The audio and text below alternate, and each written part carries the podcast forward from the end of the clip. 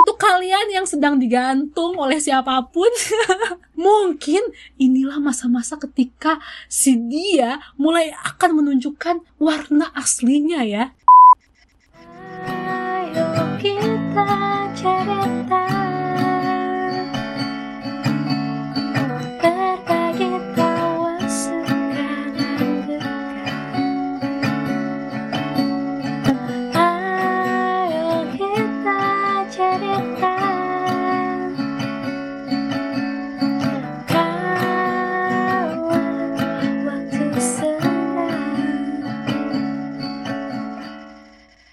Halo semuanya, kembali lagi dengan saya Tante Emon dan kali ini Tante Emon ikutan Prambors Podcaster. Yeay! Tepuk tangan yang meriah dong.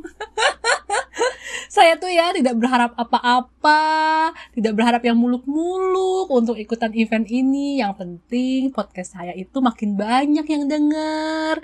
Terus kan katanya total hadiahnya itu kan puluhan juta gitu ya. Saya sih nggak dapet yang puluh-puluhan juta juga tidak apa-apa. Tapi yang mbok ya kecipratan lah dikit-dikit gitu kan. Kayak misalkan kecipratan seperangkat alat podcast. tolonglah, tolonglah ini pengertiannya aja nih. Ini kan yang ikutan banyak anak muda nih, saya denger-dengar. Yang sudah lebih modern, sudah lebih ahli editing. Nah, saya saya kan ya sudah mulai encok-encok kalau editing. Jadi harus dapet nih alat-alat podcast yang cakep, yang cantik. Jadi mohonlah, mohonlah ke keleluasaan hatinya gitu. Oke, lanjut aja. Gimana nih kabarnya kalian semua?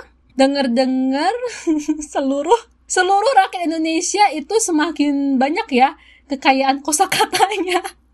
Karena sekarang PPKM sudah ada levelnya. Ya ampun, ya ampun. Ini kalau pendapat saya pendapat saya pribadi ya, kayaknya apalah arti sebuah nama gitu. Kayak udahlah yang penting apa nih yang mau dilakukan, hal konkret yang mau dilakukan tapi ya ya mungkin ada pertimbangannya dan semoga apa pun istilah yang ada kita tetap diberi kesehatan dan jangan lupa tetap patuhi protokol kesehatan. Ingat banget ini ya, oke? Berita dulu tipis-tipis. Pas saya merekam ini, ini lagi ada pertandingan sepak bola Brazil versus Jerman ya, Olimpiade Tokyo. Dan di awal-awal tanding itu Brazil memimpin 3-0. Tapi kemudian sekarang sudah 3-2. Ya ampun. Aduh, memangnya kalau bola bola tuh bunder sih nggak ketebak sih. Terus kalau misalkan kalian tanya kenapa kok sepak bola jadinya malam-malam begini di Olimpiade Tokyo?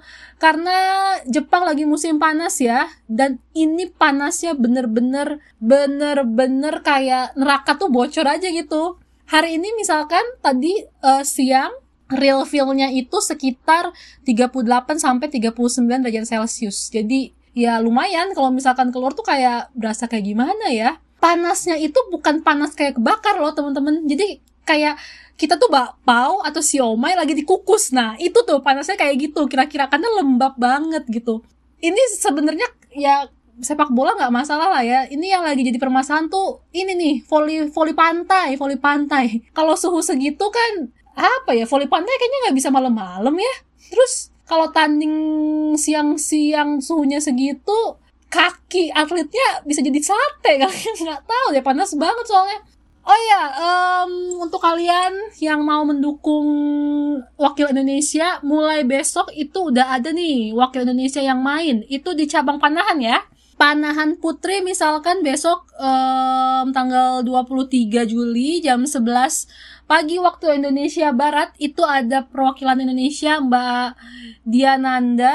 Terus nanti sorenya jam 3 WIB itu eh, panahan putra ada Mas Agatha Riau, Mas Alfianto sama Mas Dwi Pangestu Arif. Jadi kalau kalian sudah mulai berhalusinasi ketika di rumah aja, mungkin nih mungkin bisa mulai mantengin itu channel Olimpiade lumayan lah apa menghibur. Kalau misalkan kalian pas Olimpiade kayak gini suka mantengin cabur apa sih? Kalau saya ya sebagai orang Indonesia sejati bulu tangkis sih bulu tangkis terus udah gitu em, angkat besi sama atletik gitu. Tapi yang ngerti scoringnya lebih atletik sama bulu tang sih. Yang lainnya masih suka kayak misalkan angkat besi. Angkat besi tuh ngitungnya kayak gimana sih scoringnya gitu kan? Ya masih harus google google cuman selalu menarik gitu melihat atlet-atlet yang bagus dari seluruh dunia itu tanding tuh ih gila ya keren banget gitu loh. Ih ih adrenalinnya ya ampun ya ampun ya ampun ini nih kalau misalkan nggak ada pandemi sudah hampir pasti saya udah nangkring cari tiket jadi supporter bulu tangkis saya tuh udah plan, udah nabung, udah nabung buat nanti bisa ngajak adik eh, dan mama saya gitu buat buat jadi supporter. ya buat ngajak mereka terus hampir banget saya tuh mau memperkenalkan seseorang ke mereka juga di saat event ini nih gitu. Ya tapi ya gimana kemudian negara api menyerang. mau marah, mau ngedumel, mau sedih, mau kecewa, ya nggak ada gunanya karena seluruh dunia juga kayaknya kecewa, banyak kecewa, banyak sedih. Jadi ya bareng-bareng aja lah gitu sedih-sedihnya. Bosen loh, pengen pengen banget, pengen banget pandemi ini segera selesai. Eh, tapi setelah dipikir-pikir si pandemi ini ada hikmahnya juga loh. apa? Hikmah apa yang bisa aku dapat dari pandemi ini? Apa ya? Kalau menurut saya sih kayaknya kita jadi lebih menghargai lebih banyak hal aja gitu. Kalau misalkan di buku Einstein's Dreams, eh, karangan Alan Lightman, puncak kejujuran manusia itu adalah ketika mereka menyadari bahwa waktu yang mereka miliki itu terbatas. Dan kayaknya ini terjadi nih ketika pandemi ini nih. Ngerasa gak sih kayak solidaritas masyarakat untuk saling bantu ketika pandemi itu meningkat gitu. Kayak tiba-tiba muncul gerakan-gerakan warga bantu warga gitu, terus donasi-donasi.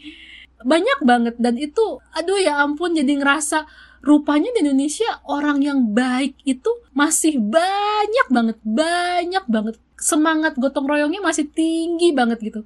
Jadi orang-orang yang doyan sama itu ya konspirasi-konspirasi dan ngeyel itu ya kayaknya noisy majority aja gitu.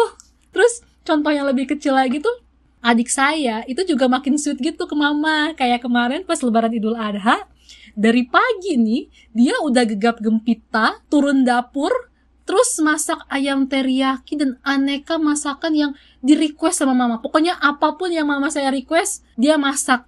Walaupun perkara rasa ya ya agak ragu ya.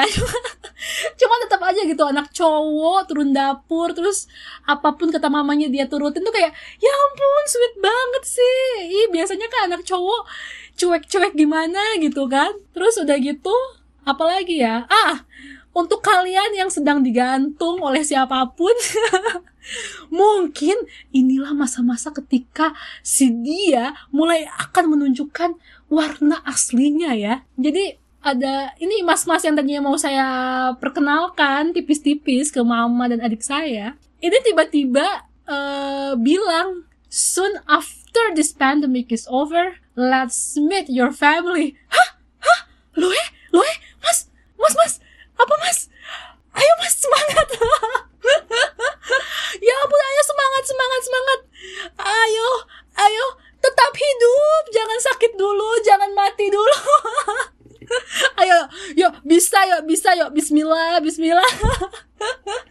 Sumpah kaget banget. Ini ada apa? Tiba-tiba ada orang ingin bertemu dengan keluarga saya gitu ya. Wow wow. Apa yang ingin dilakukan? But anyway the point is kita setidaknya jadi tahu bahwa nunda-nunda sesuatu itu nggak baik. Kita setidaknya jadi tahu kalau banyak orang, banyak hal yang begitu berharga banget gitu buat kita. Dan kemarin-kemarin kita kayak kurang bersyukur aja kali ya.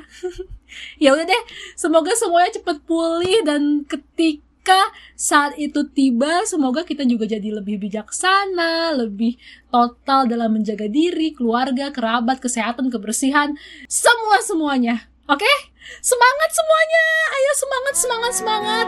Terima kasih. Saya Tante Emon. Ketemu lagi di podcast episode selanjutnya. Dah.